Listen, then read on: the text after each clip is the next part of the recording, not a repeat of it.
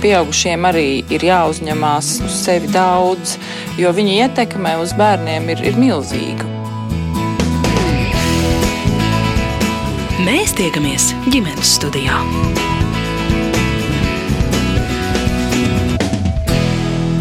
Labdien, klausītāji! Decembrī Kapseļa ielas bērnu namām tā oficiālais nosaukums ir Valsts sociālā aprūpas centra Rīga, filiāla Rīga, nosvinēja simts gadus.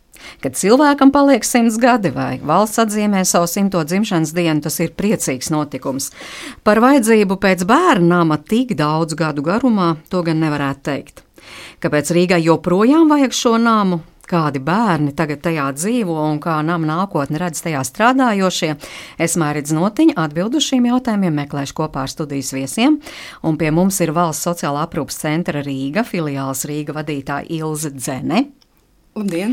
Arī dzēna šī nama sociālā darbiniece Estere Zemīte. Labdien! Arī dzīvokļa vadītāja bērnu piesaists persona Adelīna Bonifācija Jasmane. Sveiki. Un attālināti mūsu sarunā iesaistīsies arī Rīgas domas labklājības departamenta sociālās pārvaldes priekšnieks Mārtiņš Mors. Labdien, Mārtiņ! Jā, ceru, ka varēsim sazināties, jo, jo jūs pievienojaties mūsu sarunai pa tālruni. Bet vispirms Ilzai jautājums, cik bērnu šobrīd dzīvo kapseļos? Mm. Es nelietošu oficiālo nosaukumu sarunas laikā. Jā, jā tad, tad kapsuļu ielas bērnamā šajā brīdī dzīvo 27 bērni un viens jaunietis. Bet vēl precīzāk, no šiem 27 bērniem, trīs bērni dzīvo projekta dzīvoklī, kas atrodas Bolderājā. Kādi ir šie bērni? Esterē jautāšu, jo Esteri, jūs tiešām esat par šiem bērniem arī stāstījusi sabiedrībai. Jūs zīmējāt viņus portretus, es ceru, ka turpināt to darīt, rakstāt par viņiem, nu tā cilvēciski, kādi viņi ir. Šobrīd varat mazliet pastāstīt, jo cipars 27 bērni pilnīgi neko neizsaka. Mm, jā, nu, tā ir, ka katrs bērns ir personība un, un, un tie ir nu, brīnišķīgi bērni. Katrs ar savu tādu skaistu pienesumu šajā pasaulē. Un, Un jāsaka, ka nu, grūti arī vārdos to izstāstīt par katru bērnu. Katram viņam ir savs stāsts, un vispārināt ir ļoti grūti pateikt. Jā, varbūt Adelīna var palīdzēt, jo par jūs bērniem, par saviem bērniem faktiski jā. jūs tā viņus arī saucat, vai jā, ne? Jā. Jo jūs dzīvojat atsevišķi dzīvoklī ar viņiem, par to mēs arī parunāsim, bet par tiem bērniem. Jā.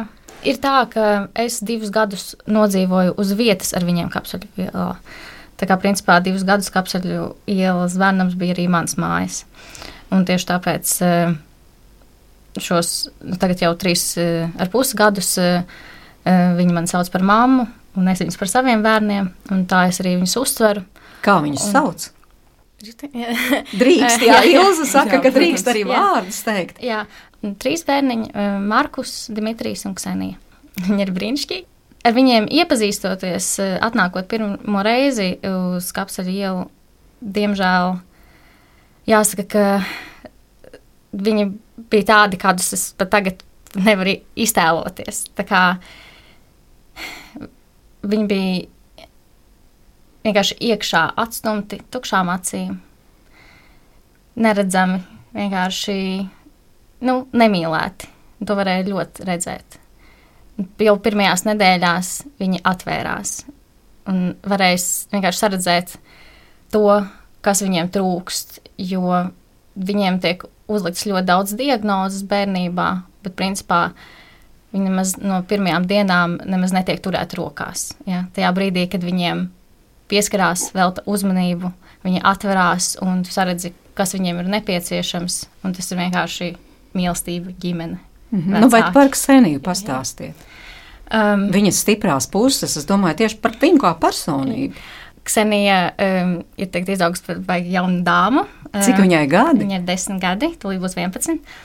Viņa ļoti smaidīga, ļoti priecīga. Uh, viņai patīk ļoti daudz rotaļāties ar brāļiem, ļoti daudz iet ārā, peldēt baseinā, peldēt arī jūrā. Uh, Uh, šūpoties, braukt ar ragavām. Tagad, tagad visi trīs uz ragavām iet uz kalniņu. Dimitrijam? Um, Dimitrijs ir ļoti radošs. Viņam patīk iesaistīties visās aktivitātēs, palīdzēt virtuvē. Taisīt visādus radošus zīmējumus, šūt. Un, uh, nu, viņš arī ir ļoti izpalīdzīgs un ļoti mīļš. Un, uh, jā. un cik Dmitrijam gadi? Dmitrijam ir desmit arī. Un tā tad trešais bērns, piedodiet, aizmirsu uh, vārdu. Uh, Markusam uh, tikko oktobrī palika 16. Viņš jau ir liels. um, nu, tā arī uzvedas jau kā, pat ne kā pusaudzis, bet kā jaunietis jau mm, visu pats par sevi. Ir uh, ļoti entuziastisks, ļoti viņam patīk arī pie mums bija mm, panorāma, viņam patīk. Kameras priekšā parādīt visas savas stiprās puses, patīk ļoti gatavot virtuvē, um, gatavo pats. Un, uh, patīk uh, starp citu, arī um, skatīties radio ierakstus, un uh, viņš um, ļoti seko līdzi ziņām. um, jā, gan kā, sazinoties gan surdo valodā, gan rakstiski. Nu jā, jo visiem jā. šiem bērniem tomēr no otras puses ir arī kaut kādas jā. veselības. Diezgan nopietnas, droši vien, veselības problēmas. Bet ļoti daudz no viņām uh, trīs gadu laikā ir ļoti uzlabojušās. Uh, un, uh, nu, tās arī diagnozes būtu tādas, ka, ja viņi būtu no dzimšanas ģimenē, ļoti daudz no viņām būtu ļoti niecīgas. Ilgs mēs runājam par dzīvu vecāku bērniem. Tie visi ir dzīvu vecāku bērni. Tieši tā. Un pie šiem 27 bērniem, ko es minēju, kā šī brīža skaitli, skaitli filiālē Rīga, pirms pieciem gadiem no šiem bērniem aptuveni 10, 12 bērni ir bērni, kuri ievietoti uz vecāku iesniegumu pamata. Tas ir ārk, nu, ļoti. Bet ko tas īsti nozīmē, nozīmē uz vecāku iesniegumu pamata? Tas nozīmē to, ka vecāki šos bērnus lūdz ievietot sociālajiem dienestam sadarbībā arī ar kā sauc šo integrācijas uh, valsts, integrācijas valsts aģentūru. Jā, aģentūra, kurā nozīmē šim bērnam valsts aprūpes pakalpojumu ilgstošā šādā institūcijā. Un, ko tas nozīmē šim bērnam? Šim bērnam pēc būtības tas nozīmē bērnam. Bērnam viņam ir dzīvi vecāki, un tā mūsu pieredze kapsuļielas bērnamā rāda, ka ievietojot šo bērnu institūcijā, es teiktu, gandrīz simtprocentīgi visos šajos gadījumos, uh, bērni pazaudējuši vecākus, un bērnu vecāks ir valsts. Bet kāpēc vecāki tā rīkojas? Tur taču ir kaut kāds iemesls. Jā, protams, iespējams, ka vecākam ievietojot šo bērnu institūcijā, no kapsuļu pieredzes, es varu teikt, ka tas gandrīz ir simtprocentīgi no dzimšanas brīža. Jau slimnīcā pasaka, ka lūk, jums ir piedzimis tik, tik smags bērns, iesakām jums šādu veidu aprūpi, jums būs vieglāk. Protams, tajā brīdī vecāks ir ielikās psiholoģiski smagā situācijā. Uh, un arī iespējams šoka stāvoklī, nu, ka arī šāds bērns piedzimst. Un ievietojot viņu šajā institūcijā, nu, tā kaut kādā savā veidā arī šis vecāks pats no sevis atsakās, ka šo bērnu tur ievieto. Protams, šim vecākam nekur viņa tiesības nepa, nu, nepazūd. Viņam ir visi eh, tie paši pienākumi kā vecākiem ģimenē, tad arī viņiem šie pienākumi būtu jāpild institūcijā. Un, uh, mēs neredzam šo kā pakalpojumu ilgstošu šiem bērniem. Tas varētu būt tāds īslaicīgs pakalpojums, atbalsta pakalpojums vecākiem. Līdz kaut kādu situāciju stabilizēt ģimenē ar atbalstu um, šo pakalpojumu grozu. Bet tas, kas ir šī brīdī valsts aprūpes centros ar šo bērnu ievietošanu uz iesnieguma pamata, ilgstošā aprūpē, tie ir visciešākie bērnu tiesību pārkāpumi, par ko arī attiecīgi mēs esam uh, informējuši, rakstījuši ieteikumus, rakstījuši, rakstījuši iespējamos grozījumus likumā. Nesam sadzirdēti, diemžēl. Bet tā tad sociālais darbinieks nevar pateikt, nē, vai no institūcija nevar pateikt, nē, mēs šo bērniņu neņemsim, vecāki rūpējieties paši par savu bērnu. Nu, šobrīd ir tā, ka sociālās palīdzības un sociālās pakalpojumu likumā ir paredzēts tāda, tāda iespēja, ir vecākiem paredzēta, ja bērnam ir šādi smagi attīstīti traucējumi, tad, eh, tad ir iespēja ievietot eh, ilgstošā aprūpē. Bet, nu, kā jau Ilza to minēja, tas ir pilnīgi pretrunā piemēram, ar bērnu tiesībām būt kopā ar savu ģimeni. Arī, uh, ir arī um, šī konvencija par um, personām ar invaliditāti, kurā ir minēts, ka bērnu šķiršana no ģimenes uh, tikai balstoties uz to, kad, uh, ka viņam ir invaliditāte, tas ir nu, pret, pret pret šādiem diskriminējoši. Tas ir diskriminējoši. Tas ir viens iemesls, kāpēc bērni nonāk bērnamā, ir citi. Aptuveni nu, 40% bērni valsts aprūpas centros atrodas vecāku iesniegumu pamatā. Un, bet pārējie? Pārējie bērni bez, ir bez vecāku gādības un bērni ar smagiem funkcionāliem traucējumiem. Un kapsuļu ielā ir viens bērns, varbūt par bērnu arī mēs viņu nevaram saukt, bet viņam nav zināmi vecāki. Bet visiem citiem ir zināmi vecāki, dzīvi vecāki, viņiem ir vecmāmiņas, viņiem ir vectētiņi, viņiem ir brāļi un māsas. Tas, ko tikko arī Bonifācija jauki minēja par to, ka senie veido attiecības ar, ar, ar brāļiem. Viņi nav viņas bioloģiskie brāļi, bet lūk, Bonifācija ir izveidojusi šo ģimenes modeli šiem bērniem tādu, ka viņi aug kā brāļi un māsas.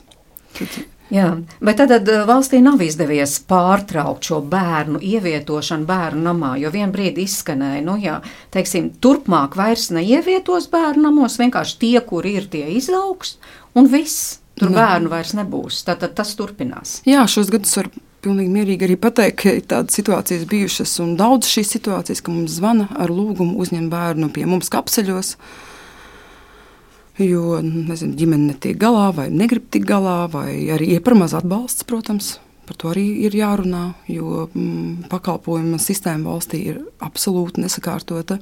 Mums iespējams vairāki bērni vēl būtu nonākuši ģimenēs, ja reģionos būtu pieejami šie pakalpojumi, kas ir veselības aprūpe, rehabilitācija, izglītība. Lūk, šo nav. Vienkārši šo nav iespēju. Šie bērni tādējādi ir bērnamā vēršos pie Mārtiņa Mora. Jūs kā Rīgas domas pārstāvis, jūsu pārziņā ir šis nams. Kā jūs komentētu, kāpēc šī ķēdīte nav pārtraukta, kāpēc nav izdevies to pārtraukt un joprojām pašvaldība meklē iespējas ievietot bērnus bērnu namā? Laikam mazliet jāprecizē, tad šobrīd Kapceļiela ir valsts sociālās aprūpas centra struktūra vienība. Un uh, likumā pastāv šī kompetenci un atbildības sadalījums, ka par bērniem ar smagiem funkcionāliem traucējumiem un viņu uh, risinā, institūcijas risinājumu atbild valsts ministrija, labklājības ministrija. Pašvaldības uh, atbild par visiem pārējiem bērniem, teiksim tā. Un, uh, zināmā mērā var teikt, ka pašvaldību pienākums uh, rūpēties, nu, tātad rast risinājumu uh, bērniem, kas ir izņemti no savas bioloģiskās ģimenes, ir nu, tieši šajā brīdī arī sākās. Un uh, es vienmēr esmu teicis, ka zināmā mērā tas ir brīdis, kad jau ir kaut kur par vēlu. Jo tad, kad bērns jau tiek izņemts no ģimenes vai arī vecāki uh, pieņem lēmumu nodot uh, bērnu institūcijā, ir jau noticis kaut kāds lūzums, kas diezgan bieži ir neatgriezenisks tas lūzums ir vis visāda veida materiāls, psiholoģisks, reizēm arī uh, visāds savādāks, jo, jo ir jāsaprot, ka lielākā kļūda, kā runāt par šo problemātiku, ir sākt runāt par, par šo problēmu no tā brīža, kad bērns vairs nedzīvo ģimenē. Faktiski tā ir vislielākā kļūda. Būtu jārunā par to, kas notiek, kad bērns ienāk bērns ar funkcionāliem traucējumiem, ar smagiem funkcionāliem, kad viņš ienāk šajā pasaulē. Un, un es pilnīgi piekrītu, ka, uh, lai bērns paliktu ģimenē, ir ļoti vienkārši atbild. Ir jāsniedz atbalsts ģimenei, ja, jo mēs pārāk daudz uh, reizēm fokusējamies uz pašiem bērniem, bet par maz fokusējamies uz iemesliem, kāpēc bērni, uh, bērni ir spiesti dzīvot institūcijā. Un, un, un šis jautājums, zināmā mērā, nav, un atbildu šo jautājumu nav atrodama sociālo pakalpojumu uh, sfērā. Tie jautājumi ir meklējami veselības aprūpas pieejamībā, medicīniskās rehabilitācijas pakalpojumu pieejamībā, arī materiālajā atbalstā vecākiem, kuriem šis bērns ir ienācis ģimenē, jo bieži vien šīs vajadzības, ir sevišķi pēc materiāla atbalsta, jau varbūt nesākās tieši tad, kad bērns piedzimst pirmajos gados. Viņš sāk rasties vēlākā vecuma posmā, kad uh, ir grūti gan uh, pārvist, nu, kā saka, izvadāt, gan pārcilāt, gan tam līdzīgi. Un bieži vien šis laiks ir tieši pirms skolas laiks, un te parādās jautājums par uh, izglītības sistēmas pieejamību, gan fizisku, gan uh, gan arī, nu, teiksim, faktiski, jā. Nu, lūk, un, un, uh, jā, un, un tas, man liekas, ir tas svarīgākais, jā, vienkārši mums ir jāsaprot, ka tā situācija attīstās pakāpeniski un, uh, zināmā mērā, tas, kad bērns jau ir vienīgais variants, ir viņu ievietot institūcijā, ir kaut kur jau par vēlu. Un tad mēs vieglāk varam saprast, ko vispār nozīmē tādi, tādi vārdi kā deinstitucionalizācija, jeb teiksim, tā atteikšanās no institūcijas. Faktiski tur ir jānotiek diviem virzienu darbībām. Ir jānotiek alternatīvu radīšana jau tajā brīdī, kad bērns ar funkcionāliem traucējumiem ienāk ģimenē. Ir jābūt šiem alternatīviem pakalpojumiem. Priekš ģimenēm, kuras rūpējās par savu bērnu ar funkcionāliem traucējumiem. Un, protams, otrs virziens ir uh, reāls plāns, kā uh, no institucionālas fiziskās vides pār, pārvest tos bērnus, kas nevar dzīvot ģimenēs dažādu iemeslu dēļ, uz tādu kā mazās kopienas vidi, kurā katram bērnam ir uh, tiek veltīta pienācīgā uzmanība. Jo to arī, ko kolēģi šeit teica, nu, Eh, tad cilvēks un bērns arī atplaukst, ja viņam tiek veltīta uzmanība, to nekad nevarēs izdarīt lielā institūcijā. Tieši tāpēc, ka viņa ir liela, gan telpas, gan koridori, gan viss pārējais, tā fiziskā vide faktiski ietekmē veidu, kā uh, pret bērnu vispār ir iespējams attiekties. Ir jāsamazina tā fiziskā telpa, lai viņa kļūst tā kā tas ir zināmā mērā tāds kā arī pašmērķis. Jā. Mm -hmm. un, bet, jā. bet nedrīkst būt tikai tāds, ka mēs beidz, izbeidzam institūciju, bet alternatīvas nekādas neradām. Mēs tiešām turpinām sarunu par to, kā tad šobrīd dzīvo bērni, kur tomēr nonāk institūcijā, kapseļos, vai precīzāk kapseļos bērnamā joprojām 27 bērni, bet kā viņi tur dzīvo? par vidi te ieskanējās. Tātad tomēr tas nams ir pietiekami liels, kā teica Māra kungs. Jā, jā, jā. skaists nams, vēsturisks. Jūgens stila ēka, protams, jā. tā ir simtgadīga ēka, kurā ir um, milzīgas telpas, milzīgas dzīvoklis. Mēs esam izveidojuši pēdējo piecu gadu laikā. Esam šiem bērniem šo vidi taisījuši pēc iespējas ģimeniskāku, lai cik tas ir ironiski neskanētu. Lūk, bērnamā mēs veidojam ģimenisku vidi šiem bērniem. Uh, Ko tas nozīmē? Kā jūs to vidi Tad, veidojat? Tas nozīmē to, ka mēs no vēstur, vēsturiskā pakalpojuma, kad agrāk bija tāds tipiskas bērnu dārza grupas, viena vecuma bērni, bērni vairāk kā desmit bērni tādā vienā grupā.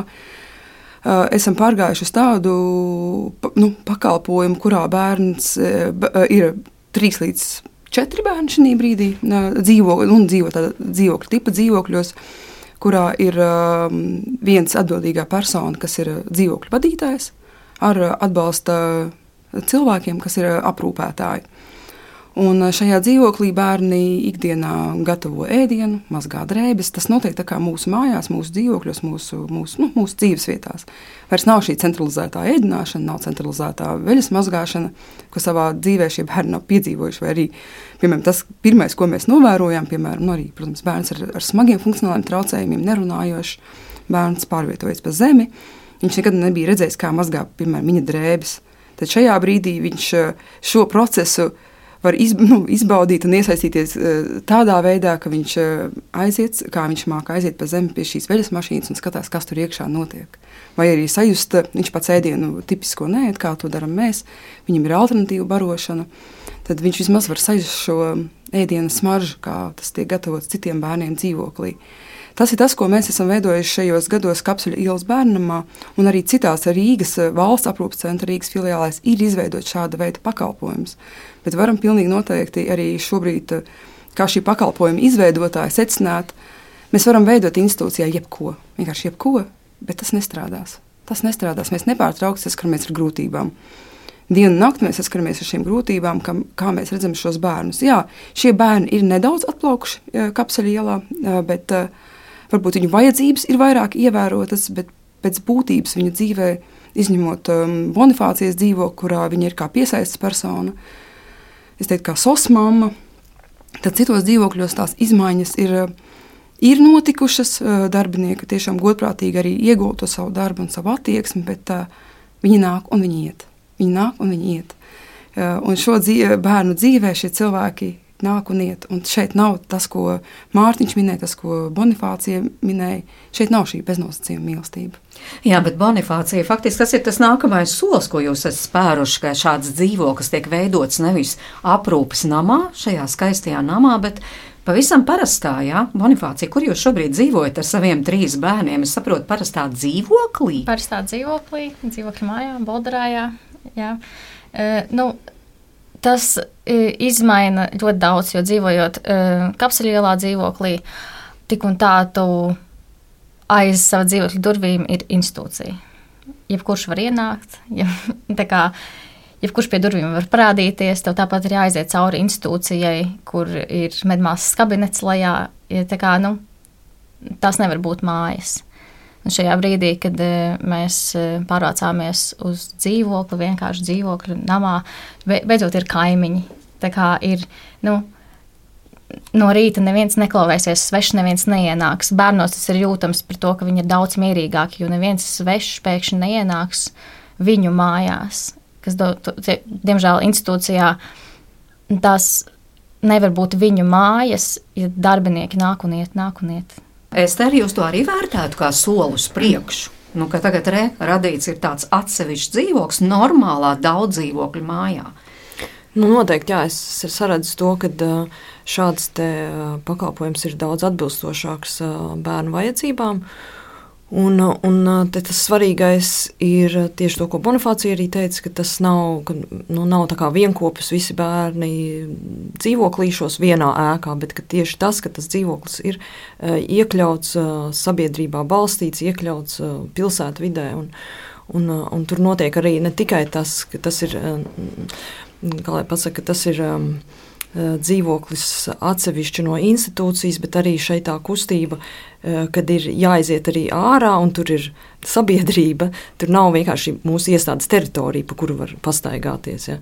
Mēs esam uzreiz, mēs esam pilsētvidē, ir jāizmanto sabiedriskais transports, ir, ir jāizmanto tās. Nu, tās lietas, ko visi jau mēs normāli arī izmantojam. Ja. Nu, bet no otras puses, varētu teikt, ka tie ir smagi slimi bērni. Atkal labi var būt, ka tur, kā Bonifācija teica, tur atkal tajā namā ir, tur ir tā medmāsa vienmēr pieejama, iespējams, psihologs, cits atbalsta personas. Nu, jā, bet tā ir tā institucionalizēšana. Tādā veidā mēs arī institucionalizējam. Tad mēs jūtamies tā kā slimnīcā vairāk, kur mums ir medmāsa, ārsti un visādi speciālisti apkārt, un tad tās nav tās mājas sajūtas.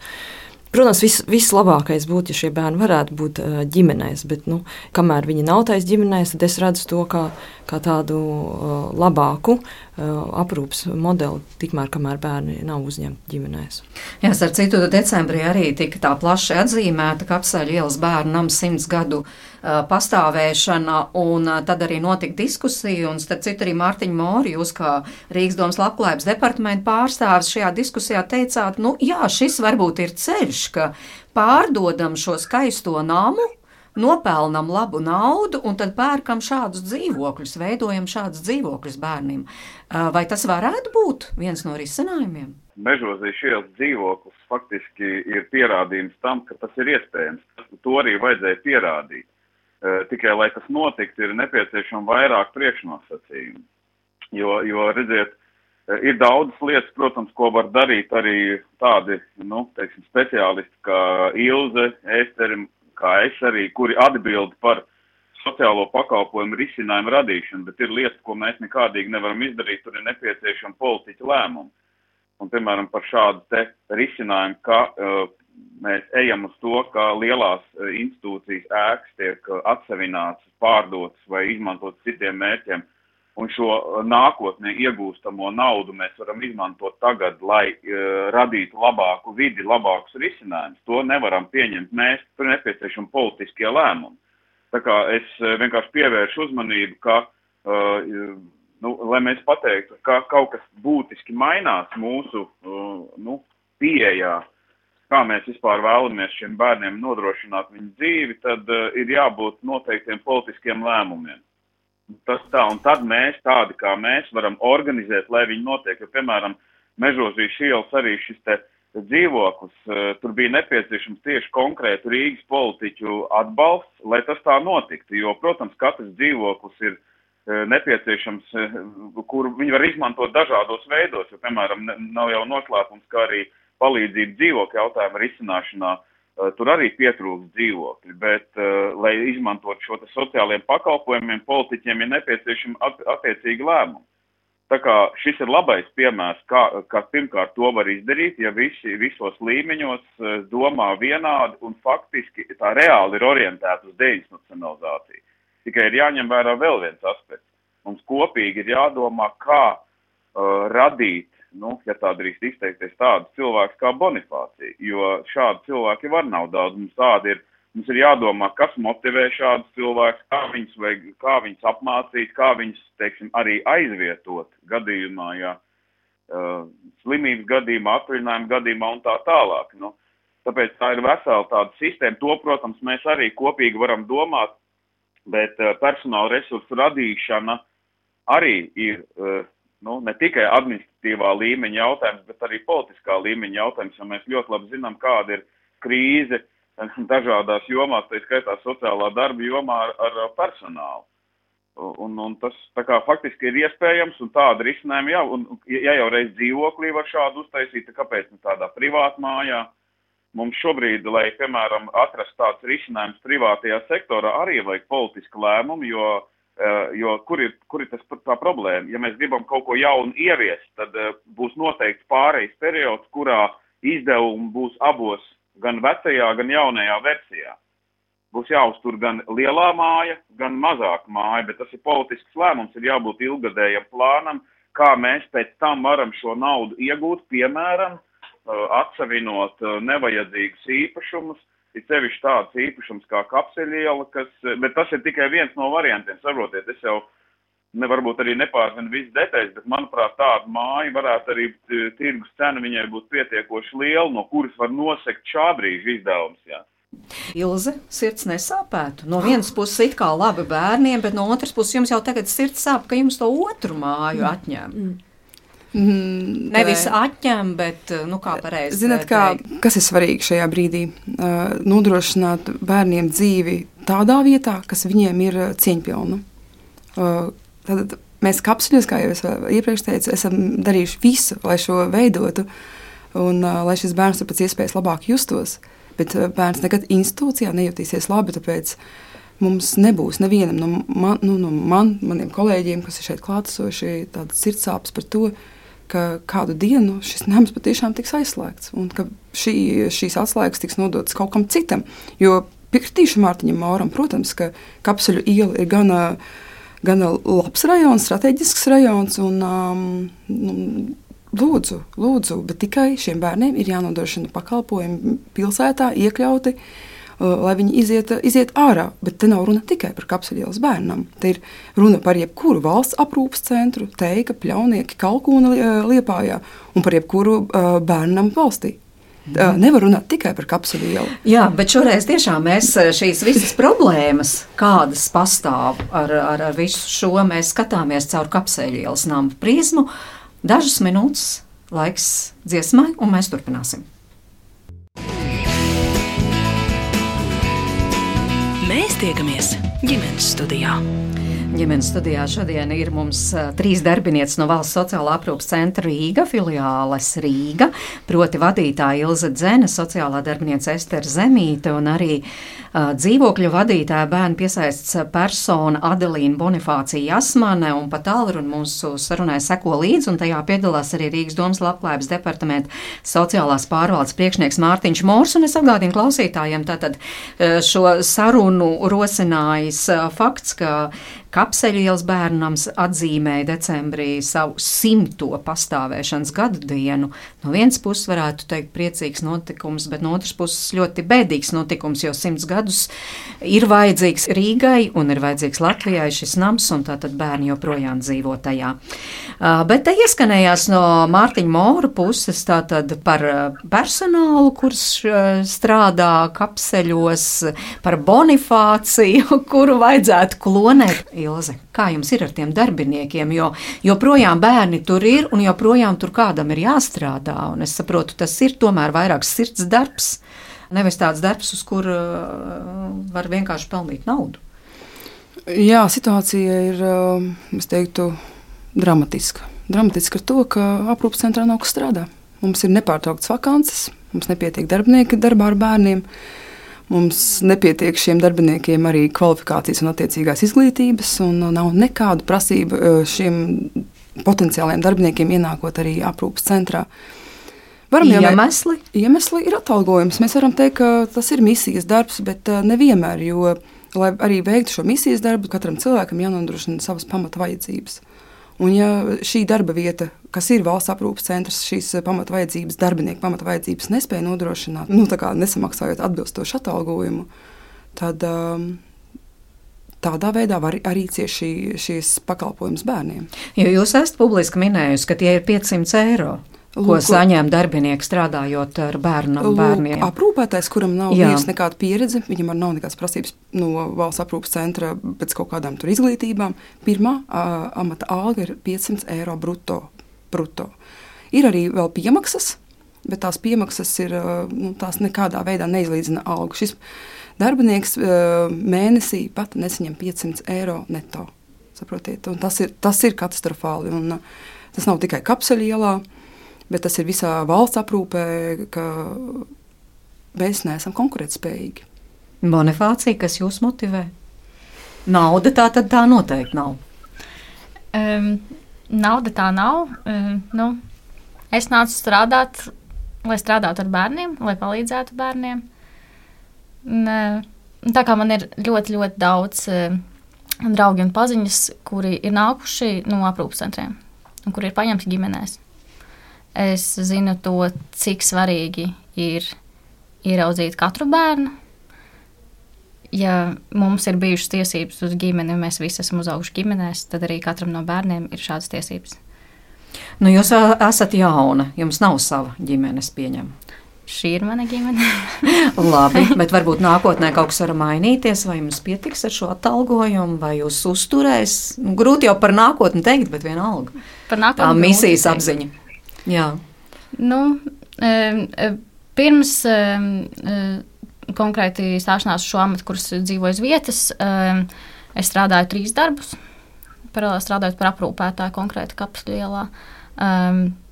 Ar trīs darbiem ir iespējams, bet ar to algu, kas sākumā bija, kā aprūpētājiem stājoties bez pieredzes, nu, par to nav iespējams dzīvot. Bet tas noteikti ietekmē bērnu ikdienu šis fakts? Protams, tas ietekmē bērnu ikdienu, un, un, un es domāju, ka tas ir nu, pilnīgi nepareizi, ka tieši tiem cilvēkiem, kas pavada visvairāk laika ar bērniem, tiešā kontaktā esot ar bērniem, ka viņiem ir viszemākā alga un vismazākās prasības. Vismazākās prasības stājoties darbā. Patiesībā vajadzētu būt otrādāk ka tieši tiem cilvēkiem, kas ikdienā strādā ar darbiem, būtu jābūt, pret viņiem būtu jābūt prasībām, izglītības, arī viņu nu, pieredzes un, un, un tādas nu, prasības, kas, eh, kur, kur mēs varētu redzēt, ka šis cilvēks ir kvalificējams, ka viņš var strādāt uh, ikdienā un dot to labāko bērniem. Bet ir otrādāk. Mārtiņa Mūra, uh, kā tad īsti ir tā, tad valstī jārisina šī problēma vai pašvaldībai? Nu, mēs esam vienā sistēmā. Es gribu teikt to, ka līdzīgas jau problēmas ar personālu, kā ir valsts uh, iestādēs, ir arī pašvaldības uh, sociālo pakalpojumu sniedzējos. Katrā gadījumā te ir uh, noteikti kopīgs darbs. Uh, es pat pateikšu arī kādā virzienā, jo, jo skaidrs, ka mums uh, valstī pastāv tā saucamā amata hierarhija. Un, un kamēr šie cilvēki būs aprūpētāji, kas ir pašā nu, pēc nosaukuma un pēc prasībām, skaidrs, ka viņiem tā alga būs arī maz, es neredzu iespējas, kā, kā to varētu. Nu, mēs, man liekas, neesam ne mentāli nekā gatavi savādāk, vai ne? Jo mums bērndārs auklītis saņem vismazāko algu, un visi tie cilvēki, no kā ir atkarīgi mūsu bērni un veci cilvēki, faktiski saņem vismazākās algas. Nu, tāda mūsu sistēma ir izveidota, vai pret to var cīnīties, grūti pateikt. Bet eh, kas, ir, kas būtu svarīgi, ir svarīgi saprast, ka uh, tātad institūciju alternatīvas Ja, tātad, uh, institūti, ja mēs gribam izveidot pakalpojumus, kas ir alternatīvi institūcijām, ģimeniska tipa un tam līdzīgi, tad viņi izmaksā dārgāk nekā institūcija. Un tā ir axioma. Ja, ja, ja, ja ir iecerējies samazināt izdevumus, uh, ma mazinot institūcijas, es pieņemu, ka var panākt, ka ilgtermiņā ir, ir būtisks iegūms, būtisks samazinājums izdevumiem valstī kopumā, jo uh, Jo skaidrs, ka ja bērnam, jo laicīgāk bērnam ir labvēlīgāka vide, jo viņš labāk attīstās, viņam rezultātā nākotnē ir mazāk vajadzīgs atbalsts, mazāk veselības pakalpojumi, mazāk sociālajie pakalpojumi, viņš patstāvīgāks arī ar visiem saviem funkcionāliem traucējumiem, un rezultātā valstī, protams, ilgākā termiņā samazinās izdevumi. Bet tas ir tā, bet, bet šeit ir jāsaprot, tas visiem līmeņiem jāsaprot Jo es personīgi domāju, ka tīri administratīvi, ja mums būtu politisks atbalsts, mēs izdomātu, kādā veidā uh, šiem atbildīgiem darbiniekiem maksāt lielākas algas, no, nosaukt citu amatu nosaukumu, nodefinēt kvalifikācijas prasības, un šeit viss būtu kārtībā, bet ir nepieciešami uh, finansu līdzekļi, un finansu līdzekļu piešķiršana ir politisks lēmums. Un tas mums ir jāsaprot. Mūsu valsts ir uzņēmusies visu šādu veidu starptautiskas saistības invalīdu tiesībās, tad ir, ir arī pretī jāliek resursi, lai šīs saistības izpildītu. Un tas nav tikai pašvaldības pienākums. Mums, protams, pašvaldībai ir jārūpēs par savām iestādēm un saviem līguma organizāciju darbiniekiem. Ja? Un, uh, tas ir līdzīgi, ar līdzīgām problēmām mēs saskaramies, bet, bet, uh, bet ir jābūt uh, reālam, reāliem politiskiem lēmumiem, ka jā, mēs šiem mērķiem piešķiram līdzekļus, un prasam uh, administratīviem līmenim iz, izdarīt, nu, izveidot vislabākos risinājumus par, taut, par to naudu. Jo par mazu naudu mēs iegūstam sliktu pakalpojumu, tas ir skaidrs. Nu, tā, diemžēl, ir realitāte, bet varbūt arī tāpēc jau stājoties darbā Ilzai un Esterei, manuprāt, bija sapnis. Kādreiz Ilzi jūs par to stāstījāt, ka tā tad jūs nākat par vadītāju šim bērnu namam, kapseļu ielas bērnu namam, ar mērķi katram no šiem bērniem atrast uzņemošo ģimeni. Un tā tad, lai vienkārši nebūtu vairs šī nama. Vai jums tas ir izdevies? Cik gadi ir pagājuši, kopš jūs vadāt šo bērnu? Ir pagājuši gandrīz pieci gadi, un um, vairākiem bērniem mēs esam atraduši ģimeni. Cik, cik bērniem jūs esat atraduši ģimeni? Uh, 17, bet uh, ir arī, diemžēl, ir uh, bijuši gadījumi, kad ir viens bērns pat divas reizes atgriezies atpakaļ kapsuļielā. Un ir arī informācija, ka vēl kāds bērns ir atgriezts citā ģimenē. Jā, bet Ester, varbūt par tiem, kuriem ir atrastas ģimenes, kā jums tas izdevās? Oh, ļoti dažādi šīs ģimenes ir. Ir atnākuši uz kapseļiem dažādos veidos, gan caur atvērtiem pasākumiem, satikšanās pasākumiem, kurus mēs rīkojam. Jā, jo tas ir tas jaunais, ka tiešām kapseļi pa laikam atver savu nama durvis, un katrs var tur ienākt un redzēt, kā, kā tur iet un kā tur bērni dzīvo. Jā, Jā tad nu, mēs cenšamies katru mēnesi šādi atvērtās, atvērtās durvis, tādas pasākumus rīkot. Un, um, Atvērtie pasākumi jā, piesaist, ir piesaistījuši arī ģimenes, un tādā veidā pirmo reizi iepazīstoties ar bērnu, tad jau tālāk veidojot to kontaktu. Es domāju, arī caur, caur, arī caur bāriņu tiesām, caur ārpus ģimenes aprūpas atbalsta centriem. Tā informācija tiek nodota ģimenēm Nu, ka, ka ir šāda iespēja. Nu, un satikšanās pasākums mēs arī rīkojam. Tie ir atsevišķi atkal tādi pasākumi, kurus mēs parasti, jā, mēs līdz šim esam Zoom uh, platformā viņus rīkojuši. Un, un arī tādā veidā ģimenes iepazīstās ar bērniem. Un šīm ģimenēm ir pietiekams atbalsts. Tās, kuras ir uzdrošinājušās ņemt šos bērnus, teikt, tie ir mūsējie, mēs par viņiem rūpēsimies. Un es atgādinu, tiešām šiem bērniem ir nopietni veselības traucējumi. Nu, mēs redzam, ka ir vairākas ģimenes, kuras, kuras ļoti, ļoti labus apstākļus ir nodrošinājusi šiem bērniem. Un, un mēs viņus satiekam tagad pēc gadiem un redzam, cik, cik ļoti ir bērni izmainījušies uz labo pusi un kā viņa dzīve ir nu, tāda nu, daudz, daudz skaistāka un, un, un piepildīta ar mīlestību un uzmanību. Un, un ir, ir, diemžēl, arī, kā Ilza jau minēja, bija, bija ir, ir gadījumi, kad eh, bērns arī tiek atgriezts atpakaļ. Tātad šajā gadījumā nu, tas atbalsts, nu, vismaz par vienu reizi, es noteikti varu teikt, ka eh, tas, tā, tā bija ģimene, kas ļoti labprāt būtu gribējusi rūpēties un turpināt rūpēties par bērnu, bet, bet tas atbalsts nebija pietiekams un, un nebija tā izpratne no, iesa, no, no iesaistītajām institūcijām, kā bāriņties sociālais dienests. Eh, kad, nu, nebija tas atbalsts ģimenei pietiekošs. Tas ir konkrētās pašvaldības institūcija atbalsts, kurā šī ģimene dzīvo, vai ne? Jā, jā arī, arī tādā.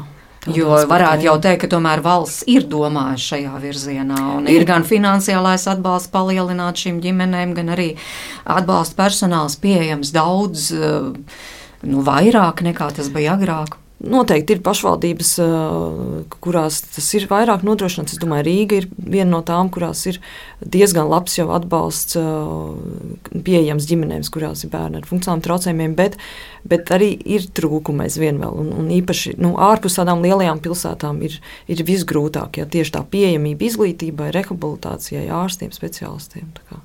Bet Ilze par tiem bērniem, kuri dzīvo un droši vien arī dzīvos kapseļos. Tātad tā ir neizbēgamība, un šāda institūcija vienmēr būs vajadzīga, un varbūt pēc simts gadiem kapseļi svinēs jau 200 gadus, un vienkārši tas tā ir, ar to ir jārēķinās.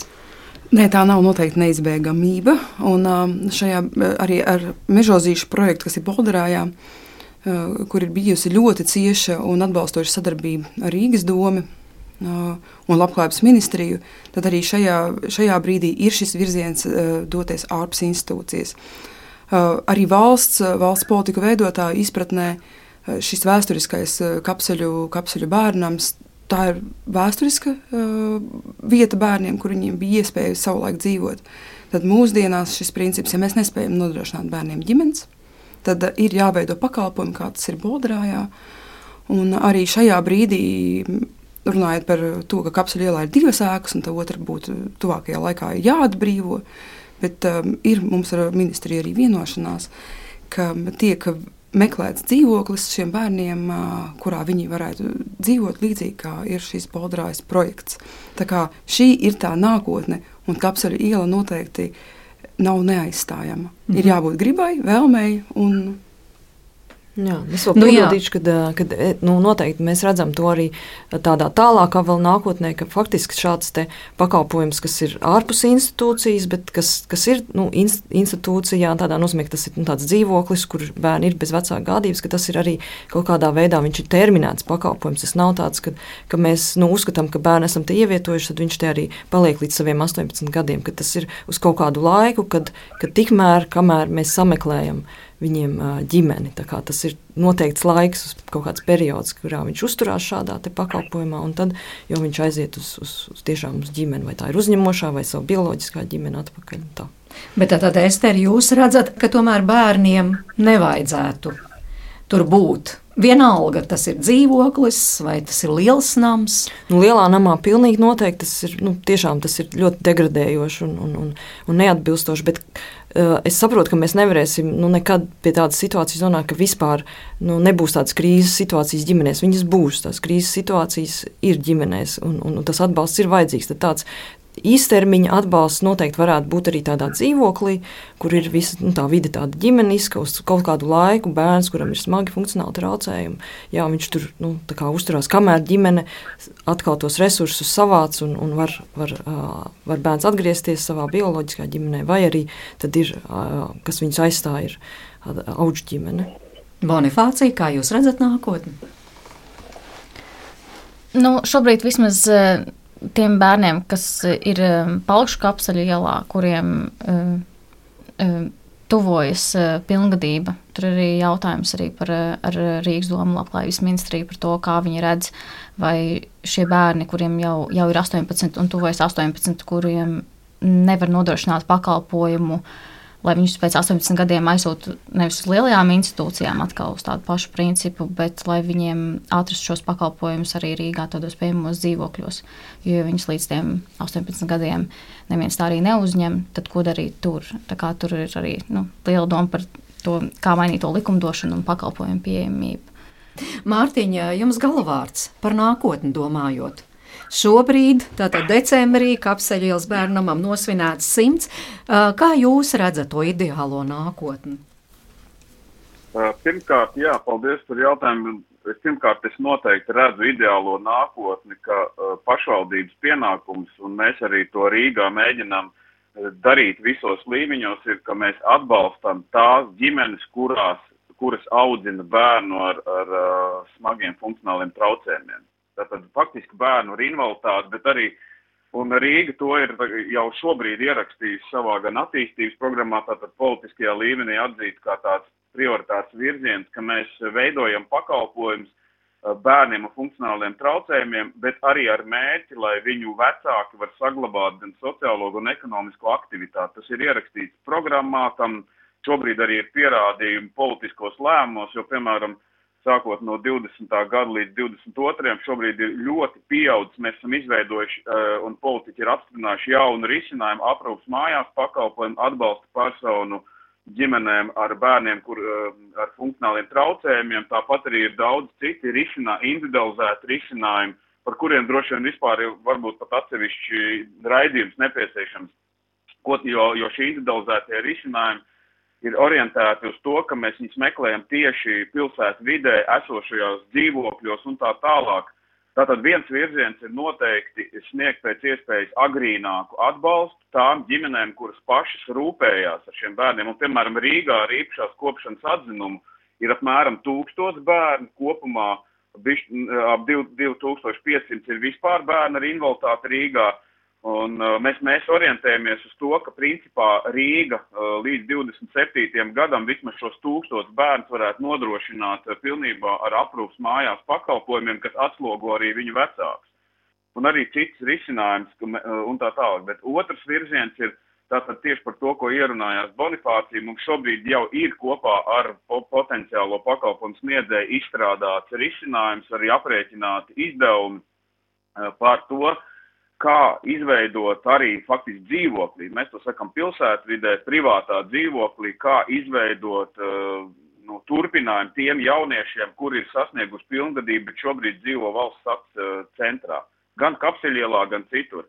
Un, uh, ja, nu, tā kā valsts budžets arī, arī nav apstiprināts un arī pašvaldība izskatās, ka Rīga varēs pieņemt savu budžetu neatrāk kā aprīlī, tad ap to laiku mēs precīzi zināsim, vai uh, ši, šis risinājums, ka četri eh, pilngadīgi jaunieši ar smagiem funkcionāliem traucējumiem dzīvotu Rīgā dzīvoklī pilsētu vidē, ka tas varētu tikt realizēts. Respektīvi, mūsu Jā. mērķis ir, lai neviens jaunietis neiet, viņam risinājums nav tā tad atrašanās citā pansionātā. Es ceru, jūs sapratāt domu, mēs darīsim visu, lai tas nenotiktu, un nu, mēs ļoti paļaujamies, ka arī iegūsim savu politiķu atbalstu, kā tas arī ir bijis līdz šim. Paldies! Ģimenes studijai būs, kam sekot līdzi arī nākamajā gadā, un paldies par šo sarunu. Es saku Ilzei Dzenei, Esterē Zemītei un Adelīnai Bonifācijai Jasmanai no Valsts sociālā aprūpas centra Rīga filiāls Rīga, tātad no Kapseļielas bērnama, kurš tikko nosvinēja simto gada dienu, un arī Mārtiņam Moram no Rīgas domas labklājības